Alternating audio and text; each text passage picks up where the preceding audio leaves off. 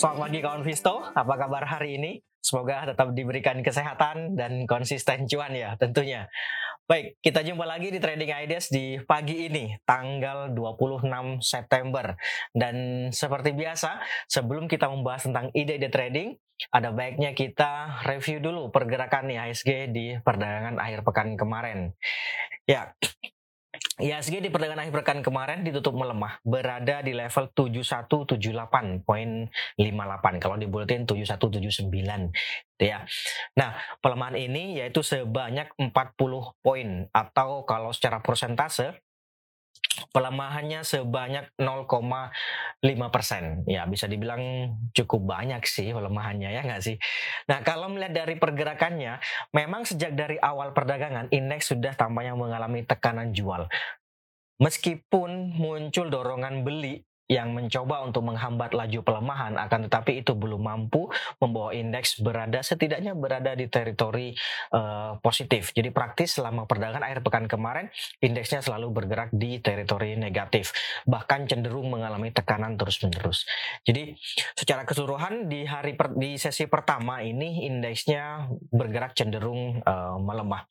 Kemudian di sesi kedua bukannya membaik tetapi justru tekanan jual kembali uh, apa namanya menimpa indeks gitu ya. Nah, di sesi kedua praktis dorongan beli yang muncul itu lebih sedikit dibandingkan dengan uh, sesi pertama. Kalau sesi pertama masih ada masih ada mencoba untuk menghambat laju pelemahan, di sesi kedua ini dia lebih ke uh, mendominasi tekanan jualnya gitu ya. Jadi baik di sesi pertama maupun di sesi kedua indeksnya berada pada kecenderungan melemah. Jadi secara keseluruhan juga bisa dibilang indeksnya cenderung uh, melemah gitu ya. Bagaimana hari ini nanti kita lihat bareng-bareng.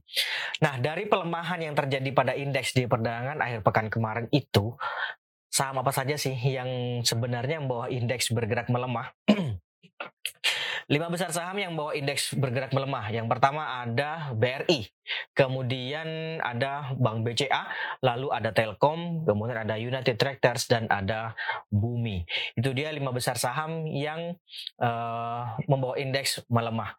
Sebaliknya, lima besar saham yang mencoba untuk menghambat laju pelemahan indeks yang pertama ada AMRT, kemudian ada TBIK, lalu ada SMGR Tosmen Indonesia, kemudian ada ICBP dan terakhir ada PNBN. Itu dia lima besar saham yang mencoba untuk menghambat laju pelemahan indeks. Bagaimana dengan transaksi asing? Ya, di perdagangan kemarin asing sendiri mencatatkan net sell sebanyak 768 bio. Itu di pasar secara keseluruhan ya. Kalau kita rinci, di pasar reguler sendiri asingnya juga mencatatkan net sell sebanyak 748 bio. Ini banyak sih. Pokoknya di atas 500 bio itu banyak lah gitu ya. Meskipun nggak banyak banget. Kalau satu T kan banyak banget ya. Tapi ini banyak lah. Bukan cukup banyak lagi, tapi banyak. Di perdagangan non reguler sendiri atau di perdagangan nego aslinya juga mencatatkan net sale sebanyak 19 bio. Jadi kalau total menjadi 768 bio. Nah, dari uh, net sale yang terjadi di asing itu saham-saham apa saja sih yang banyak dijual oleh asing di perdagangan akhir pekan kemarin? Lima besar saham yang banyak dijual oleh asing yang pertama ada Bank BRI, kemudian ada Bank BCA, lalu ada Telkom, ada MRT, dan terakhir ada Adaro Energi. Itu dia lima besar saham yang banyak dijual oleh asing. Sebenarnya kalau kita lihat 10 besarnya itu ada Akra juga. Kemudian ada Bukalapak juga. Bukalapak kemarin termasuk salah satu yang banyak uh, dijual oleh asing. Tapi sekali lagi masuknya ke 10 uh, eh, besar gitu ya. Sebaliknya, lima besar saham yang banyak dibeli oleh asing. Yang pertama ada Bank BNI, kemudian ada Bank Mandiri, lalu ada ada Mineral atau ADMR, kemudian ada Cimori, dan terakhir ada ICBP. Itu dia lima besar saham yang banyak dibeli oleh asing. Cimori ini tumben ya, uh, termasuk salah satu yang banyak dibeli oleh asing. Kalau 10 besarnya ada Pegas, Indi, ya gitu-gitu. Unilever, Unilever masih termasuk salah satu yang banyak dibeli oleh asing. Bisa jadi hari ini juga akan demikian gitu ya. Oke, itu dia transaksi asing. Nah, bagaimana dengan outlook hari ini? Ya. Sekarang kita ke sini.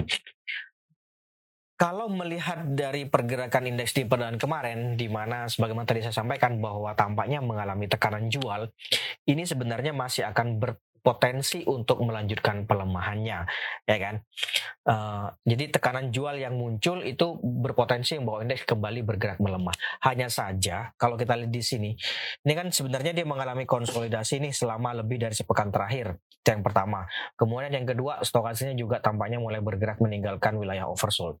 Jadi ada juga peluang untuk menghambat laju pelemahan. Kalau secara uh, keseluruhan dengan seperti ini, maka rekomendasinya adalah buy on weakness secara keseluruhan ya. Dan ingat juga bahwa tampaknya akan ada potensi untuk kembali mengalami panic selling. Muncul seperti ya, seperti ini nanti nih bisa jadi. Ya kan? Jadi dibukanya gap down atau open gap nanti uh, kalau misalnya nih dibukanya ternyata open gap katakanlah gap down sampai 7150 misalnya dibukanya. Jadi ya, perhatikan aja kalau nanti mulai bergerak menguat ikutan. Gitu ya. Pokoknya kalau terjadi gap down siap-siap aja ikutan gitu nanti karena ada potensi untuk mengalami panic selling gitu ya. Jadi diperkirakan hari ini indeksnya akan bergerak melanjutkan konsolidasi tapi dengan kecenderungan menguat terbatas. Bisa saja di awal dia dibuka melemah bahkan bisa jadi uh, open gap tadi, tapi seiring dengan berjalannya waktu ada peluang untuk uh, pelemahannya semakin uh, menipis gitu ya. Oke, okay. rank pergerakan saya pikir di 7150 di level-level sini kawan sampai dengan 7225. Oke, okay. itu untuk IISG. Oh ya, ada pengumuman ya per hari ini tanggal 26 September kompetisi akan dimulai. Investasi kuris yang kedua akan dimulai. Jadi uh, persiapkan uh, apa ya bukan persiapkan dana karena dana seharusnya sudah masuk ya. persiapkan strategi masing-masing uh, seperti apa gitu. Karena seperti yang ada di ketentuan bahwa investasi kuris uh, dihitung berdasarkan poin dan juga berhitung dihitung dengan uh, apa return gitu ya. Dari tanggal 26 saat eh, hari ini sampai dengan 31 Oktober besok. Jadi satu bulan lebih lah kurang lebih. Gitu ya. Oke, itu informasi uh, investasi gores. Tetap semangat, semoga juara.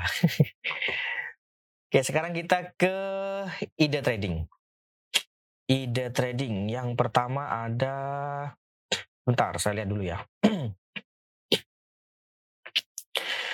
Yang pertama ada Pegas. Coba kita lihat Pegas dulu. Nah, ini dia Pegas. Ya, kalau melihat pergerakan harga di perdaan kemarin, di mana ini uh, ini ya, ini kan sebenarnya bisa dibilang bearish engulfing, benar gak? Ini kan bearish engulfing kan, tetapi formasinya kurang sempurna. Jadi bearish engulfing itu kan harusnya dimulai dengan tren naik. Nah ini tren turun tapi muncul bearish engulfing. Ya sebenarnya terlepas dari uh, up, tren apa yang memulainya, tekanan jual udah jelas terbentuk di perdagangan akhir pekan kemarin. Benar nggak? Nah, saya pikir masih ada potensi sih untuk melanjutkan pelemahannya uji support yang ada di sini. Jadi idealnya sih kalau menurut saya ini uh, buy on boleh dipertimbangkan. 1745 di sini-sini nih kawan. Nih. Nah, di sini nih. 1745 sampai dengan 1770 saya pikir boleh dipertimbangkan di level-level itu gitu ya. Apalagi misalnya terjadi open gap.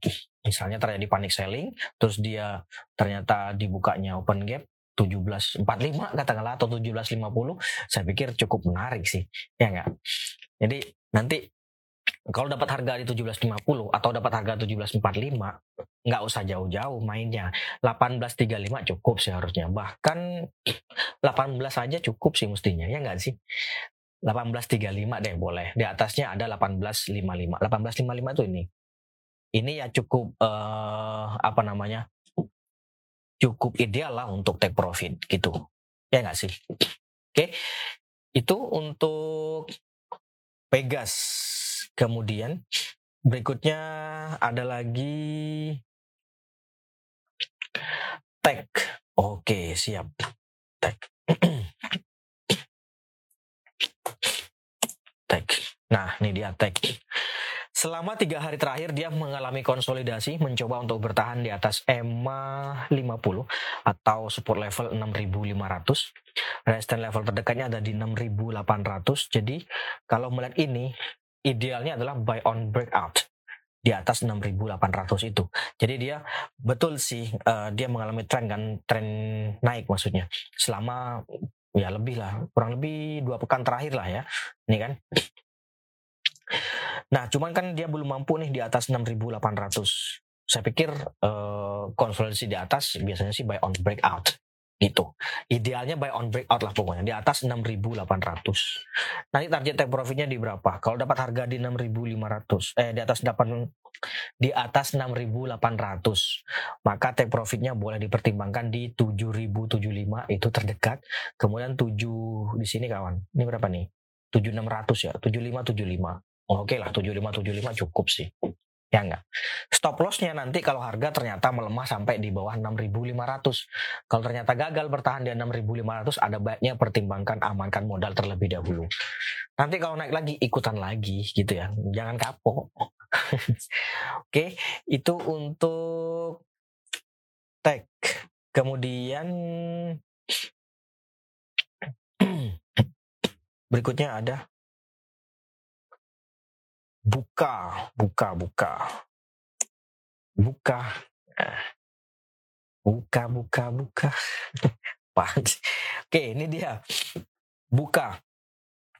Sebenarnya dia mengalami konsolidasi selama lebih dari sepekan terakhir. Ya enggak? Nih, ini konsolidasi. Mencoba untuk bertahan di atas ini sih, di atas berapa nih? 278. Jadi menurut saya sih bisa saja ini spekulatif buy. 278 sampai 280 ya boleh lah spekulatif buy di situ. Tapi kalau dapat harga di 278 take profitnya di berapa? Dapat harga 278 menurut saya sih 284 aja udah take profit boleh sih. Ya jelas untung sih. Cukup enggaknya beda ya. 290 di atasnya.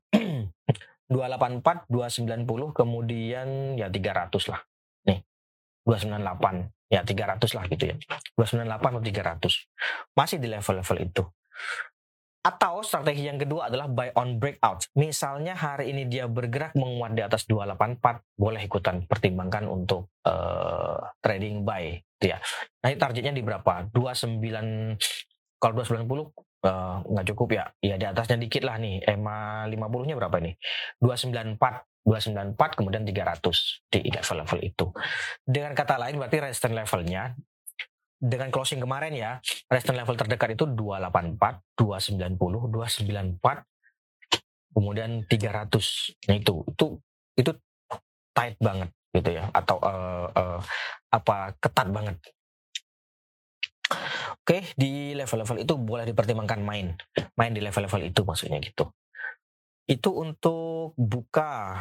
Kemudian berikutnya ada lagi karya.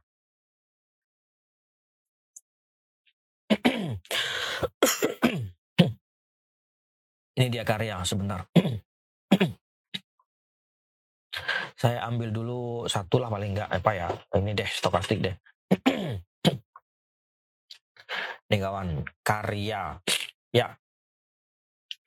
Kalau melihat dari pergerakan harga di perdagangan selama dua hari terakhir, dia mencoba nih untuk bertahan di atas ini ya. Ini berapa nih? 300. Jadi boleh saja ini ada beberapa strategi yang pertama adalah buy on weakness boleh saja buy on weakness di 300 di level-level sini nih kawan 300 sampai 306 lah boleh dipertimbangkan uh, di level-level itu. Nanti target take profitnya di berapa? Kalau dapat harga di 300, saya pikir di sini juga boleh sih. 320 udah cukup sih. 320 itu. Ya enggak? Cukup lah. Oke. itu untuk karya. Akan tetapi ingat kawan, kalau misalnya dia gagal bertahan di atas di atas 300 ini, saya khawatirnya potensinya akan terus melemah gini. Terus melemah sampai ke 200 berapa ini? 260-an ya. Jadi mesti dilihat apakah dia mampu bertahan atau gini, 300 ada ganjelan nggak, ada volume yang bisa menghambat nggak itu. Kalau mau relatif lebih confirm, wah saya nggak suka nih yang kayak gini-gini nih misalnya. Saya lebih suka yang relatif lebih confirm, berarti buy on breakout saja Gitu ya. Misalnya hari ini dia bergerak di atas 320, nih di atas ini nih 320, boleh juga ikutan spekulatif buy. Gitu ya. Nanti kalau dapat hanya dapatnya di atas 320, maka targetnya di sini kawan. Ini berapa nih? 340. Cukup sih. 340 cukup lah. Ya.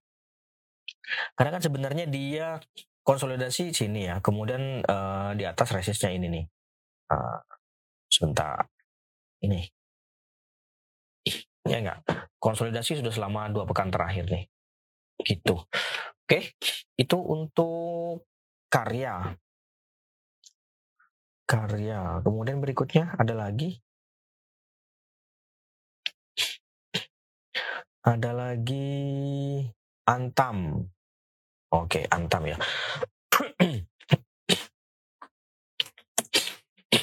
nah, ini Antam.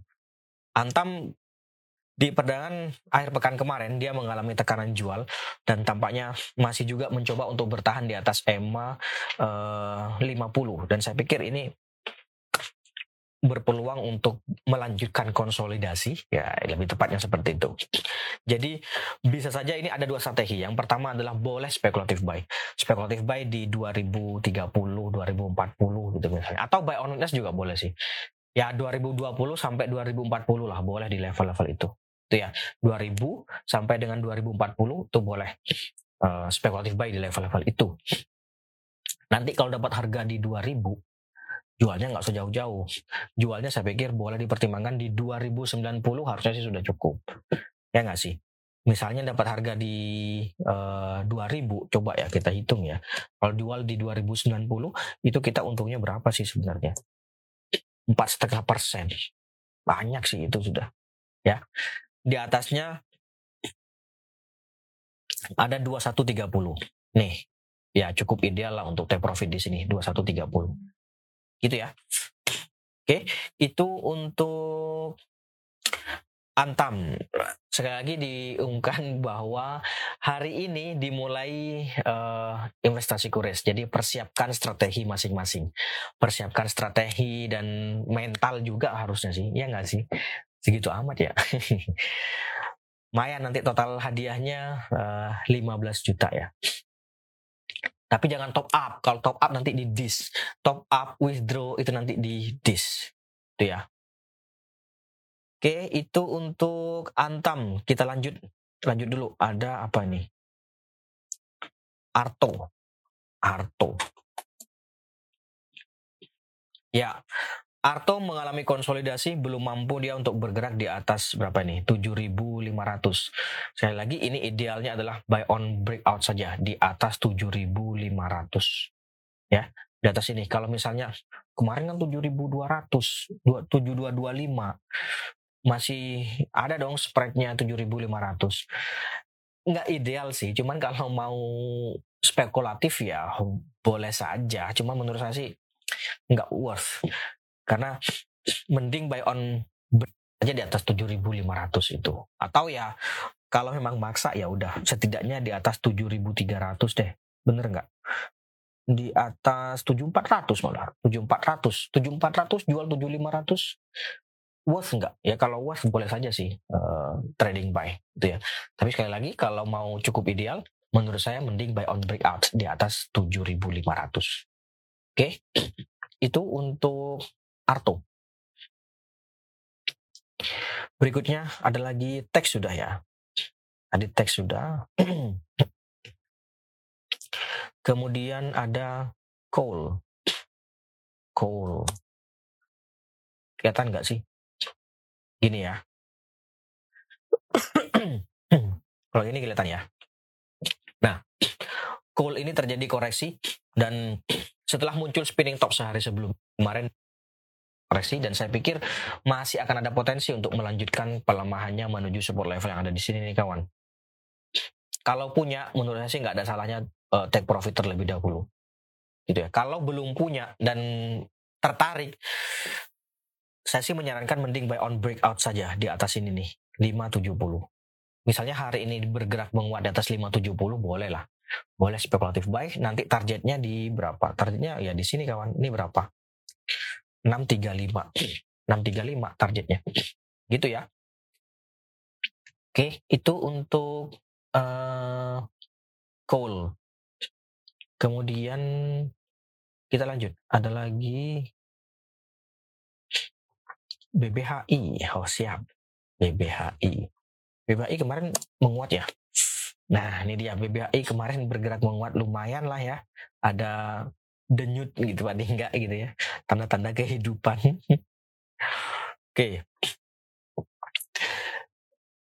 Uh, apakah ini sudah sudah muncul dorongan beli yang kemarin saya bilang uh, perlawanan sih iya iya dorongan dorongan sih ya lumayan lah ya cuman hanya ada cumannya ada hanya saja ada, ada tapinya gitu ya biasanya kalau kalau bicara terus ada tapinya itu ya berarti yang depan-depan omong kosong gitu katanya kan ya ya udah hanya saja jangan tapi hanya saja tekanan jual yang muncul di akhir-akhir perdagangan ini ini kan ya. Dia belum mampu nih untuk bergerak setidaknya di atas ini nih. Ini berapa nih? 4 2 4 80. Ya kan? Sehingga ini meskipun muncul dorongan beli tapi bisa dibilang dorongan belinya kalah. Masih aja kalah gitu. Artinya tekanan jual masih tetap mendominasi. Meskipun dia bergerak menguat, tapi tekanan jual tampaknya masih tetap lebih mendominasi dibandingkan dengan dorongan beli yang ada gitu ya. Bisa jadi sih hari ini dia bergerak menguat, tetapi uh, setidaknya konfirmasi muncul dorongan beli itu sudah harus di atas 2550. Kalau kemarin kan saya bilang di atas 2480. Eh enggak di di di sini nih. Cuman kan kemudian sempat sih kemarin bergerak situ, cuman kembali mengalami tekanan jual.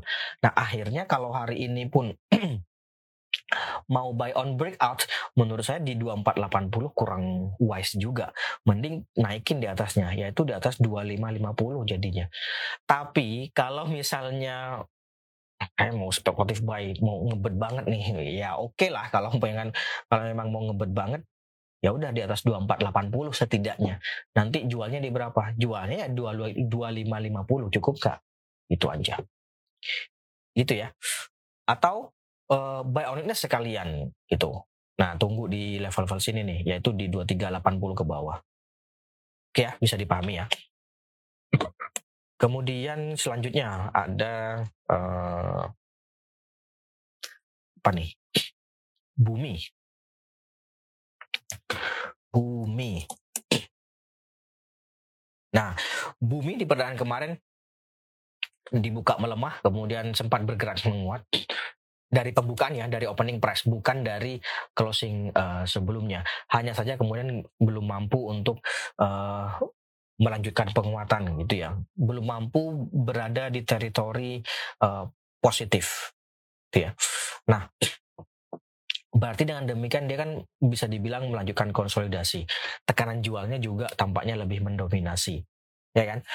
memang sih dia masih mencoba untuk bertahan di atas EMA 50 ini. Tapi menurut saya sih, kalau masih tertarik, mending buy on breakout saja di atas 157. Di atas ini. Kalau enggak atau punya, ya siap-siap aja kalau dia turun di bawah satu uh, berapa nih? Ya di bawah closing kemarin 147. Gitu ya. Menurut saya sih amankan nggak ada salahnya sih amankan modal gitu ya. Kecuali kalau mau view long term long term banget gitu mungkin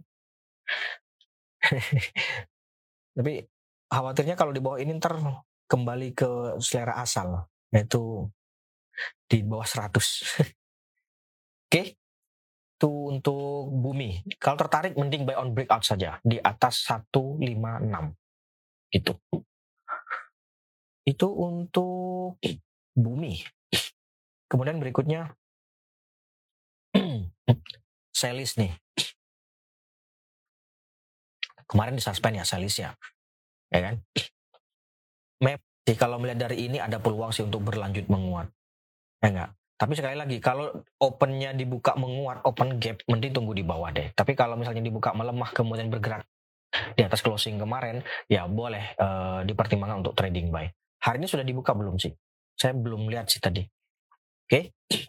targetnya berapa? 550 nih di sini nih kawan. Ini harga nih ini selis nih dulu pernah sampai tujuh ribuan loh. Tapi kemudian dia longsor lebih tepatnya kali ya. Oke itu untuk uh, selis ya terdekat sini aja nih. 550 nih uji MA 200 sekalian. Un kalau bisa bergerak di atas uh, MA 200 ini yaitu 550 berarti dia untuk pertama kalinya dalam dua tahun terakhir ya? Iya kurang lebih dua tahun terakhir lah. Itu oke itu untuk selis eslis sulis apalah terserah. Kemudian berikutnya ada PTBA nah ini dia PTBA PTBA ini cukup menarik sih. Memang kalau melihat pergerakan harga di perdaan kemarin dia tampaknya akan ada potensi untuk mengalami koreksi terlebih dahulu yaitu uji support yang ada di 4210 di sini kawan. Jadi idealnya ini buy on weakness. 4210 sampai dengan 4250 boleh dipertimbangkan di level-level itu. Nanti target take profitnya di, di berapa? Kalau dapat harga di 4210, menurut saya sih 4420 cukup sih harusnya. Ya nggak sih? Nih, di yang hijau nih kawan, 4420 cukup lah ya. Terus kemudian di atasnya ini 4480. Di level-level itu boleh dipertimbangkan untuk uh, apa namanya take profit. Atau misalnya nih hari ini dia bergerak menguat, ternyata nggak nyampe nih ke bawah. Itu misalnya ya, uh, nyampe nya ternyata dia ke atas duluan nih misalnya bukan ke atas duluan, dia sudah terlanjur bergerak menguat. Ini kan rebound sebenarnya kan. Nah, khawatirnya dia melanjutkan rebound. Ini kan pause, kemudian misalnya hari ini terjadi uh, penguatan melanjutkan pause yang terjadi, maka di atas setidaknya 430 atau 43 berapa sih? 4340 sih atau ya tadi setidaknya di atas 4330 lah. 4340 lah gitu. Di atas itu baru boleh uh, dipertimbangkan untuk trading buy. Nanti targetnya di berapa? Terdekat sih sama 4420 juga. Di atasnya ada 44 uh, 90 ya di sini nih. 4480. Oke, itu untuk PTBA. Terakhir ya, terakhir SMGR. Oke, SMGR cepat aja. Nah, SMGR kemarin bergerak menguat, dia tampaknya mencoba untuk bergerak di atas 7350. Uh, perhatikan saja satu medium ke atas oke okay lah ini masih trading buy. Tapi kalau misalnya untuk melakukan fluktuasi jangka pendek bisa saja 7350 sebagai trailing stop. Misalnya kemarin sudah punya boleh dipertimbangkan untuk uh, take profit terlebih dahulu kalau harga ternyata melemah di bawah 7350 Baik, saya pikir itu dulu kawan Visto untuk hari ini. Terima kasih atas kehadiran dan partisipasinya. Tetap jaga kesehatan.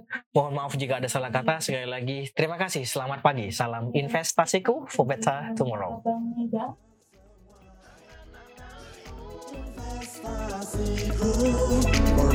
Investasiku.